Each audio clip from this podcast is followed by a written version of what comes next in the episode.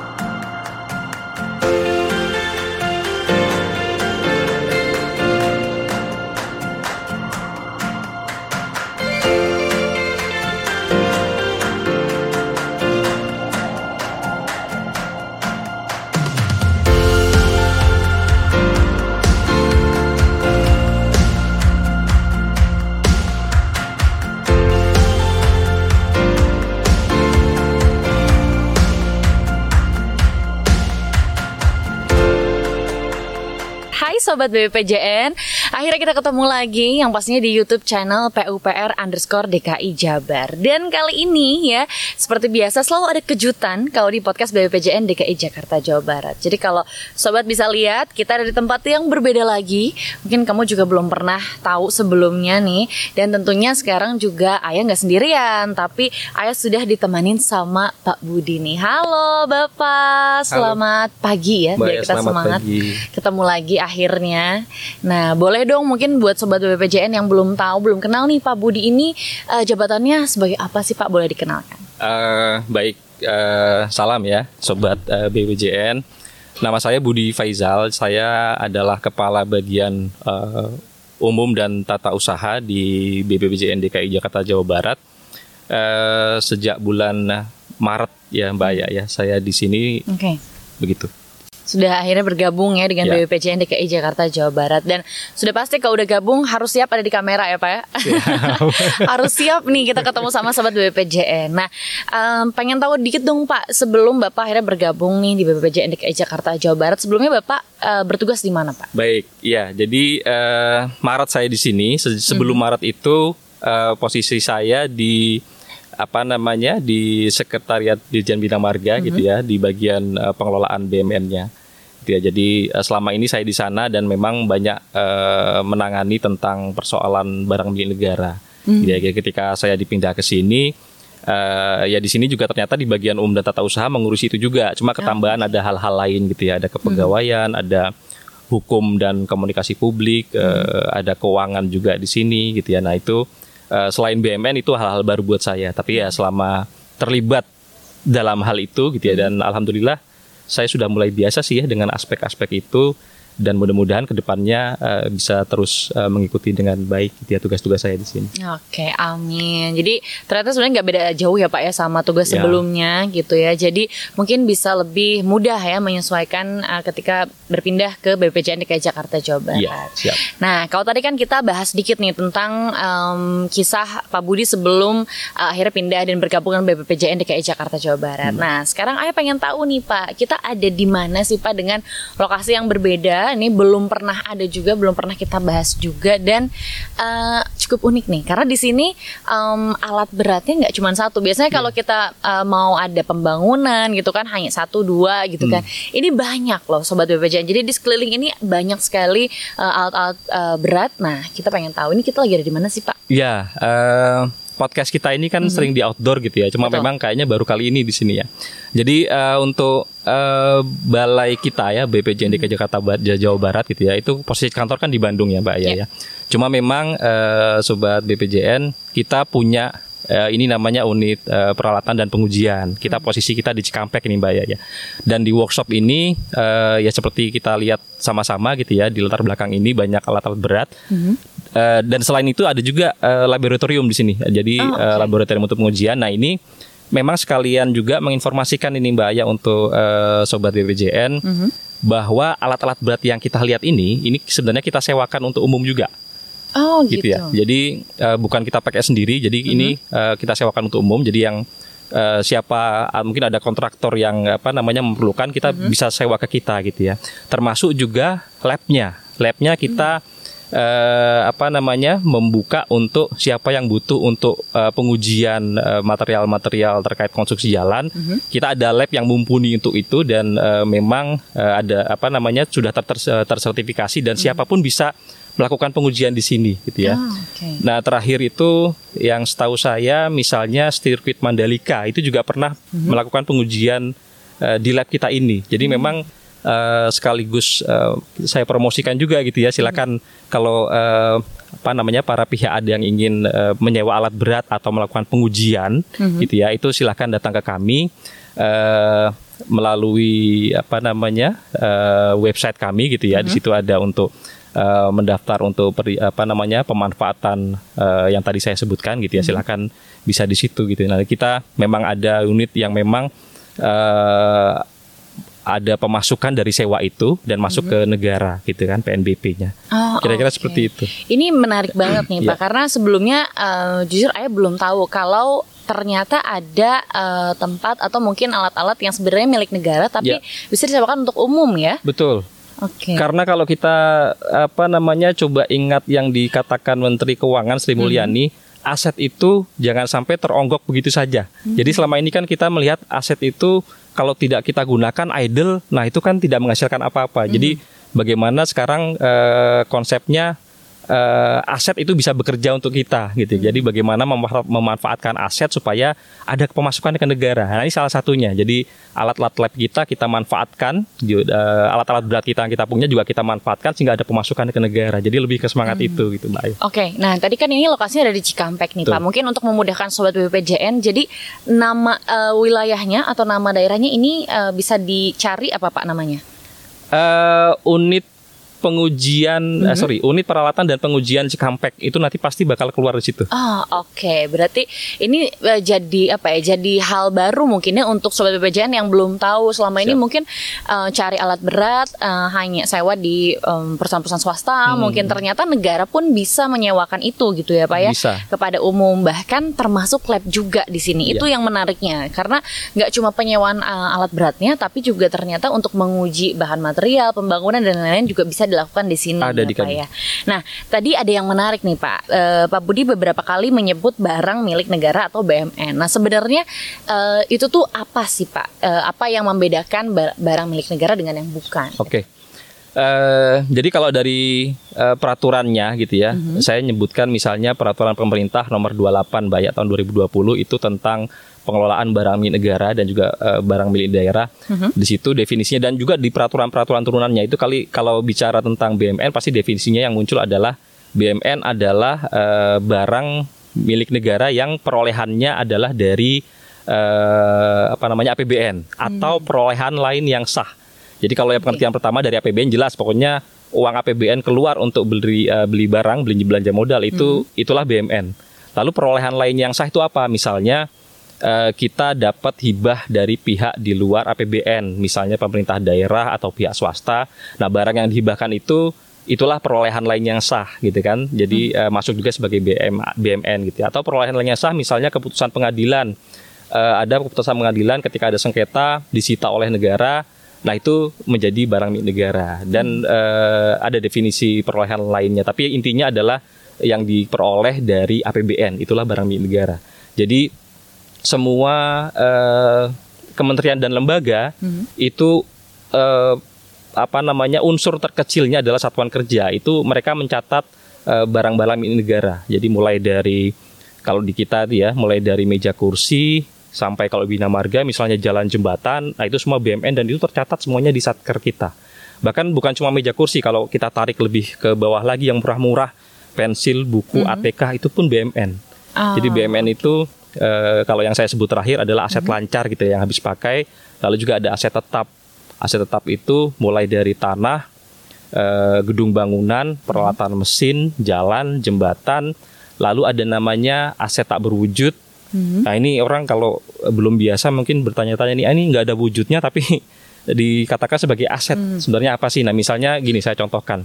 Eh, di Satker Bina Marga misalnya ada eh, eh, P2JN ya, perencanaan dan pengawasan jalan dan jembatan. Nah itu eh, punya lebih apa yang punya banyak aset terwujud biasanya itu uh, misalnya apa? Misalnya kalau pekerjaan fisik yang bahaya di kita itu sebelumnya dilakukan dulu desainnya, hmm. ya desainnya, kajiannya. Nah desain kajian itu itu eh, apa namanya belanjanya juga dari APBN. Nah itu hmm. digunakan untuk sebagai dasar nanti pembangunan fisiknya.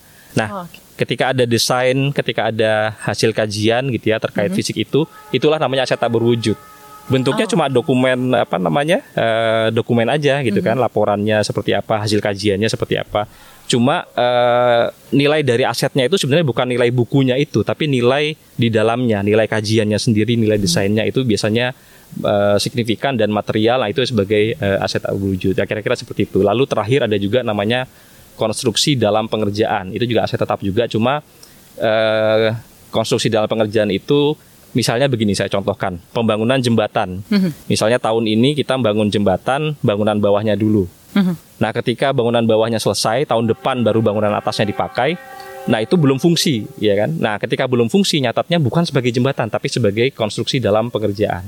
Oh. Ketika nanti di depannya jembatannya selesai, bisa difungsikan, kendaraan hmm. bisa lewat. Nah, itu baru kita reklas dari uh, konstruksi dalam pengerjaan tadi menjadi Jembatan jembatannya oh. sebagai aset definitif. Nah, itu ya garis besarnya seperti itu apa eh, apa namanya BMN itu seperti itu dan mm-hmm. klasifikasinya seperti itu ada aset lancar, aset tetap, aset tetap tadi yang saya sebutkan agak banyak tadi. Mm-hmm.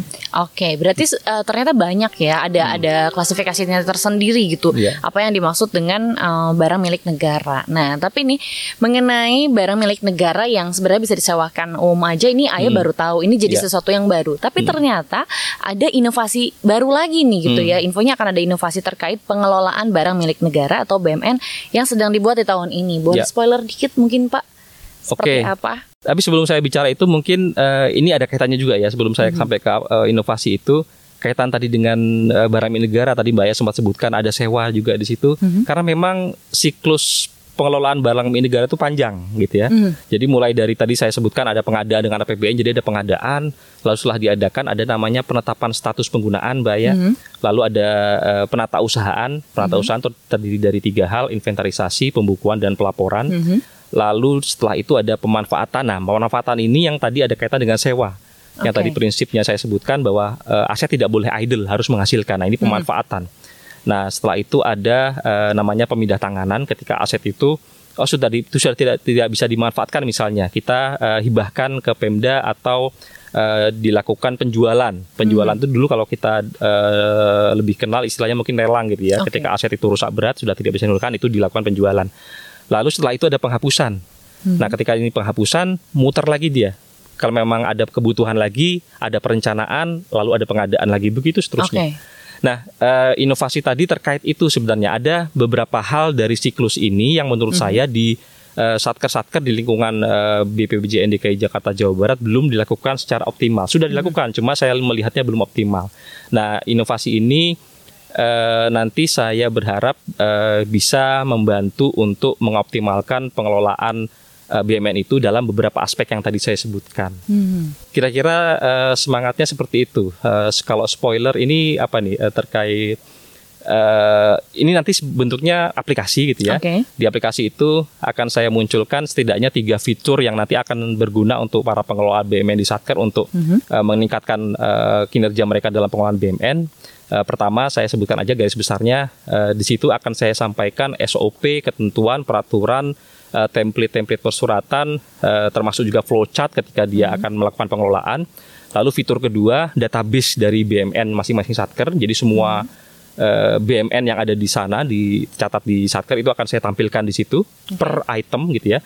Lalu terakhir adalah bagaimana proses pengelolaannya BM, pengelolaan BMN-nya itu sendiri akan saya hmm. tampilkan di situ sehingga dia bisa melacak ketika dia mengajukan usulan dia bisa tahu oh sampai mana sekarang prosesnya. Kira-kira seperti itu. Nah, jadi untuk memudahkan kegiatan uh, siklus tadi mungkin ya, ya Pak ya, ini ya. akan ada sebuah aplikasi. Nah, biar sobat uh, BBPJN kebayang nih, kira-kira apa sih Pak nama aplikasi ini? Oke. Okay. Ini boleh di spoiler di sini berarti ya? Boleh dong. Ini biar nggak penasaran nih. Jadi langsung kalau udah ada tuh langsung download gitu. Oke. okay.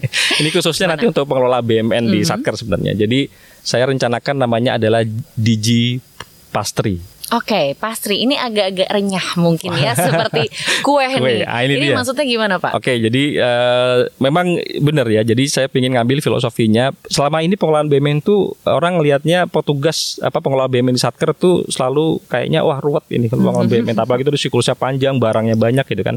Nah, cuma saya ingin menghadirkan eh, pastry ini tadi seperti Mbak ya sampaikan renyah, eh, lezat gitu ya, manis gitu ya, bisa dinikmati sambil minum kopi gitu ya. Oh. Artinya eh, saya pingin pengelolaan BUMN itu tidak menjadi suatu momok lagi bagi petugas BUMN. Bagaimana eh, bisa memotivasi mereka untuk eh, bisa lebih eh, tekun eh, terkait pengelolaan BUMN gitu ya. Ini ha- sebenarnya hal yang ringan kalau kita bisa apa namanya kerjakan bersama-sama dan aplikasi ini saya harapkan bisa menumbuhkan eh, semangat itu, bisa menumbuhkan keringanan-keringanan itu, kerenyahan-kerenyahan itu. Oh, oke. Jadi mungkin seperti makan pastry di pagi hari gitu kan, Iya. santai, mudah ya, Iya. menyenangkan. Mungkin akan seperti itu. Baik. Hmm. Wah, ini akan seru sekali nih kalau sudah eh, ada ya aplikasinya dan bisa digunakan eh, tentunya juga oleh petugas BMN dengan Iya. eh, mudahnya Oke, nah pastinya. itu selain filosofi tadi, Mhm. kepanjangan dari Digipastri sendiri adalah digital pengelolaan aset terintegrasi. Oh. Jadi yang tadi saya sebutkan itu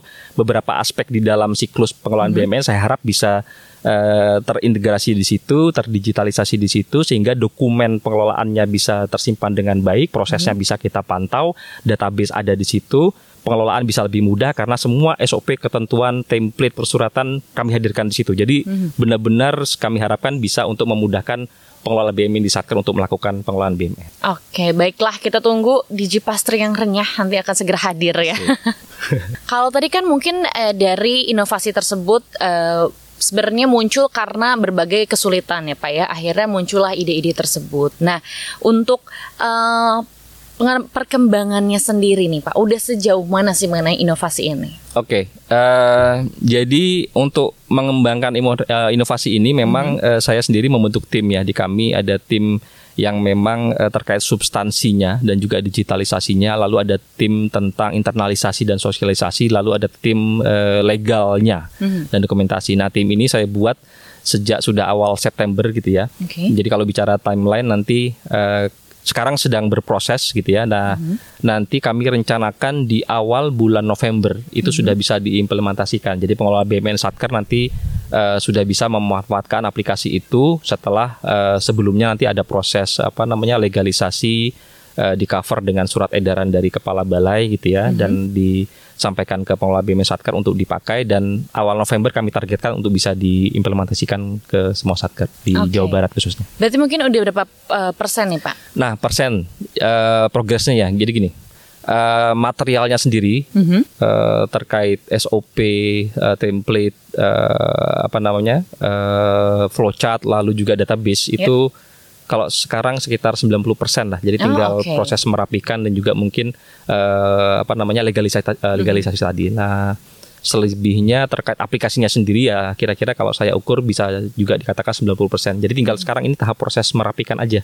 Dan sebelumnya juga sudah kami dahului dengan eh, fokus group discussion. Jadi Ya. tidak semata-mata kita mengembangkan ini sendiri kami eh, ambil masukan-masukan juga dari eh, nanti para pengguna stakeholder. Termasuk kami juga kemarin hadirkan narasumber dari eh, Biro Pengelolaan BMN Sekjen Kementerian PUPR lalu juga ada dari bagian keuangan dan PBMN eh, Sekjen Bina Marga dan juga stakeholder kami dari KPKNL Bandung. Jadi eh, menjaring masukan dari mereka supaya pengembangan aplikasi ini memang benar-benar bisa bermanfaat dan sesuai kebutuhan gitu. Oke, berarti benar-benar tinggal sedikit lagi ya Pak ya. Ya. Ini akan rampung dan juga inovasi ini akan bisa langsung dinikmati oleh para penggunanya. Iya, doakan nah, saja. eh, kalau kita tadi mundur sedikit nih Pak ya, kalau sebenarnya penggunaan inovasi ini memang eh, juga diberikan langsung untuk para eh, pengelola BMN.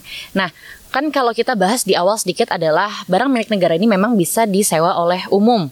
Berarti eh, di aplikasi ini atau di inovasi ini juga nanti akan ada bagaimana caranya eh, umum ini bisa menyewa berarti Pak atau hanya pengelolaan di dalamnya saja? Oke, jadi kalau tadi bicara siklus ya, Mhm. eh, sewa menyewa itu ada di proses pemanfaatan. Selebihnya Oke. ada eh, aspek lain. Nah, eh, aplikasi ini justru lebih ke aspek lainnya, gitu ya, Oh, aspek oke. lainnya. Karena eh, proses persewaan itu sebenarnya bisa dilakukan ketika syarat-syarat uh, itu menjadi BMN itu sudah lengkap dan hmm. sudah memenuhi syarat.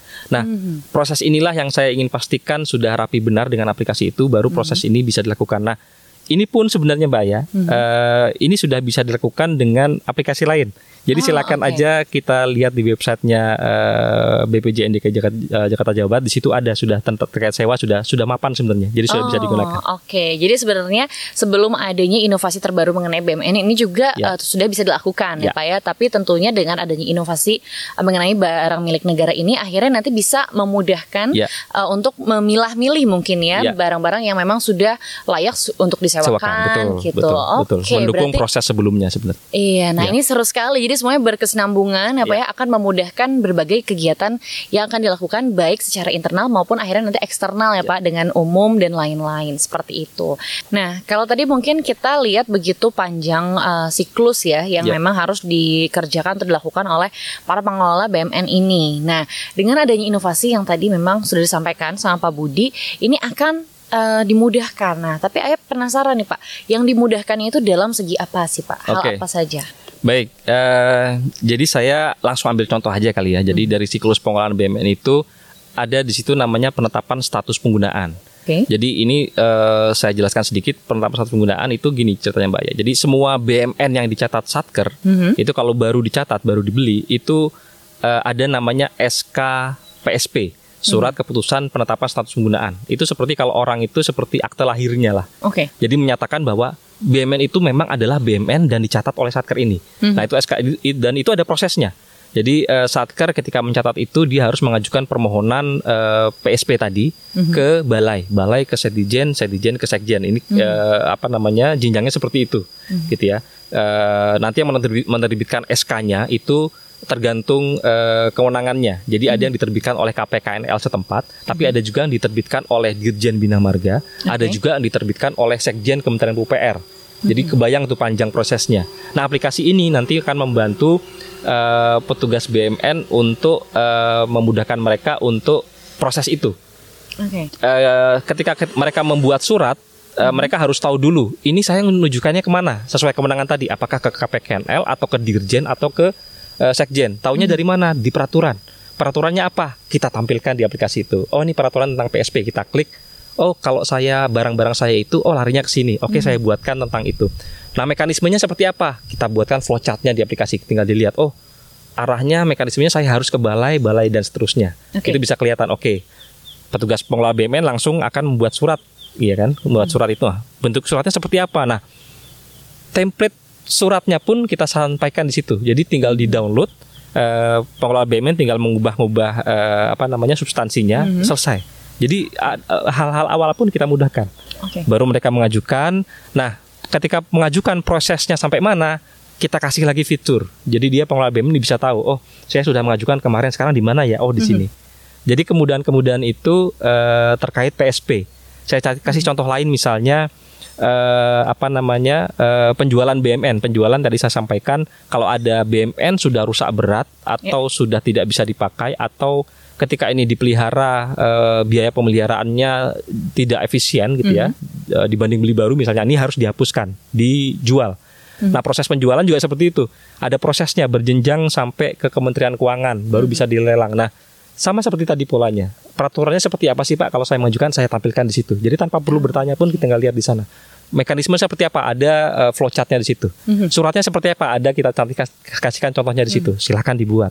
Barang-barang yang mau saya jual, saya mau jadikan lampiran ada di mana? Kita buatkan daftar BM-nya di situ, tinggal dipilih mana yang mau dijual. Mm-hmm. Jadikan jadikan lampiran usulan. Nah seperti itu.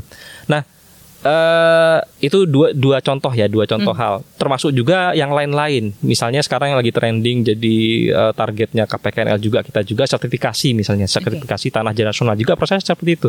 Prosesnya seperti apa? Ada di situ. Peraturannya di situ suratnya di situ dan lain-lain. Nah uh, database BMN tadi hmm. nah itu juga uh, apa akan akan kita monitor terus. Jadi misalnya sudah dilakukan prosesnya nanti akan dicentang di situ. Oh aset ini sudah kita PSP centang oh aset ini sudah kita uh, apa namanya sertifikasi centang oh atau aset ini sudah kita lakukan penjualan di centang okay. di centang bukan hanya mencentang nanti akan menginput uh, dasarnya itu apa oh SKPSP-nya nomor sekian diketik mm -hmm. di situ Jadi ketika itu sudah dilengkapi, database ini akan sangat berguna sekali ketika hmm. ada permintaan data dari uh, pihak mana pun, hmm. berapa yang sudah di PSP, tinggal keluarkan dari sini outputnya ada. Nah kemudian-kemudian itu yang akan kita sampaikan kita di aplikasi untuk keperluan para pengelola BUMN di Satker. Oke, berarti ini lengkap semua ya Pak ya. Jadi mulai dari uh, pertama dibuka iya. aplikasinya yeah. ini yeah. semua sudah diberikan kemudahan sampai yeah. akhirnya selesai. Nah, mungkin ada perkiraan nggak sih Pak mulai hmm. dari uh, memasukkan uh, mengisi form hmm. gitu ya sampai akhirnya selesai yeah. kayak dari satu step ke step yang yeah. lain itu satu kali 24 jam kah Betul. atau seperti apa? Betul. Nah, ini juga yang akan kita kontrol nanti terkait waktunya akan hmm. kita sesuaikan uh, peraturan seperti apa. Cuma ini juga uh, pertanyaan bagus mbak ya. Jadi ini juga di fitur terakhir itu prosesnya seperti apa? Bukan hanya prosesnya sampai di mana uh, dan oleh siapa gitu ya mm -hmm. sampai sekarang. Cuma memang uh, batas waktunya juga akan kita batasi di situ. Jadi okay. ketika surat dari satker sampai ke kita di balai nggak boleh lama-lama untuk memproses itu, mm -hmm. sehingga sampai kita teruskan ke setijen misalnya gitu kan. Nah itu akan kita batasi di situ. Uh, dan seterusnya. Ketika sampai ke kita, kita sampaikan ke satker lagi juga akan kita batasi. Jadi okay. selain kemudahan selain eh, proses monitoring yang bisa diakses uh, satker, mm-hmm. juga kita pastikan prosesnya akan cepat. Jadi okay. saya akan memaksa uh, apa namanya adminnya di balai khususnya mm-hmm. untuk uh, ketika ada masuk langsung proses karena ada batasan di situ. Oke. Okay. Jadi mungkin seperti ini ya Pak, seperti hmm. pengiriman kalau ada di e-commerce kayak ya, uh, apa namanya uh, format uh, diterima betul. kurang dari tanggal sekian nah, misalnya seperti gitu, itu ya Pak betul, ya. Oke, baik ini seru banget. Jadi memang ternyata uh, bukan cuma dari prosesnya yang ya. dimudahkan tapi juga dari uh, efek, uh, apa namanya segi waktunya ya. gitu kan lebih efektif, hmm. lebih efisien gitu. Jadi uh, para pengelola juga akhirnya mungkin karena dengan mudahnya yeah. gitu kan aplikasi ini digunakan akhirnya juga uh, melakukannya atau pengelolaannya juga jadi lebih cepat yeah. ya Pak ya. Yeah. Wah, seru sekali. Ini jadi makin gak sabar. Kita nantikan inovasi dan aplikasinya akan seperti apa ya. Jadi kalau penasaran nanti akan uh, dibahas terus atau akan diupdate terus di sosial medianya BBPJN DKI Jakarta Jawa Barat. Nah, kalau untuk dukungan dari um, uh, stakeholder lainnya ataupun misalnya bagian-bagian yang ada di dalamnya baik itu petinggi, pejabat dan lain-lain itu apa saja Pak yang okay. sudah diberikan? Uh, jelas sekali karena uh, ketika kita ingin mengembangkan ini sebenarnya bukan mm -hmm. untuk kebutuhan saya sendiri, bukan untuk kebutuhan pengelola BUMN saja, tapi lebih besar adalah kebutuhan uh, peningkatan kinerja dari organisasi. Yeah. Jadi mencapai tujuan organisasi dalam hal pengelolaan BUMN. Mm -hmm. Walaupun memang kalau saya pinjam uh, istilahnya Pak Kepala Balai kami, mm -hmm pengelolaan BMN itu kalau dilihat dari Bina Marga bukan bukan core utamanya gitu ya. Tapi hmm. memang perlu ada tapi ini penting gitu ya sehingga yeah. perlu ada eh, orang-orang uh, yang memang care dengan itu. hmm Nah, kami ingin hadir di situ gitu ya, menata itu karena apa? Karena pentingnya itu saya ingin katakan begini. Nilai aset kita itu hmm signifikan sekali Mbak ya. Jadi seluruh satker di Jawa Barat total asetnya kalau kita total itu senilai 65 triliun. Okay. Bayangkan 65 triliun itu uh, satker kami di Jawa Barat uh, dari PJN 1 sampai 5, P2JN, lalu satker Cisumdawu dan SKPD mm -hmm. dan Balai itu 65 triliun. Signifikan. Kalau saya gambarkan laporan keuangan kita, mm -hmm. jadi mm-hmm. neraca laporan keuangan itu uh, ada neracanya di dalamnya ada BMN. Yang 65 mm -hmm. triliun itu adalah 90 uh, sekian persen dari nilai neraca total laporan keuangan di Jawa Barat. Mm -hmm. Jadi sangat signifikan. Okay. Maksudnya apa? Maksudnya ketika uh, laporan keuangan kita di audit mm-hmm. ya uh, eh, BMN ini sangat mempengaruhi uh, hasil auditnya nanti sangat material nilainya jadi arti penting itu kalau saya menangkap uh, pimpinan kami di balai mm-hmm. uh, itu sangat mendukung karena apa karena okay. tadi itu karena signifikansi nilai karena arti penting pengelolaan BMN dan uh, apa namanya paket-paket pekerjaan kebina margaan itu uh, akan lebih uh, firm lagi ketika mm -hmm. uh, pengelolaan BMN-nya, laporan keuangannya itu juga ditata dengan uh, baik. Oke, berarti dukungan dari pimpinan sudah dapat, terus juga aplikasi sudah uh, 90% ya Pak ya. Iya. Ini sebenarnya sudah hampir selesai semua berjalan dengan baik. Jadi uh, semoga ke depannya tidak ada hal-hal yang tidak diinginkan ya Pak ya. Semuanya berjalan dengan lancar. Ya. Nah, satu lagi nih Pak, harapan untuk inovasi ini yang tentunya nanti akan memudahkan uh, pengelola BMN hmm. gitu kan ya Pak.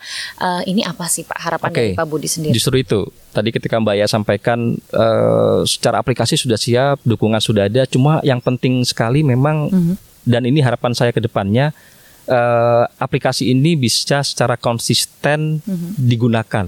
okay. oleh uh, pengelola BUMN Satker di Jawa Barat.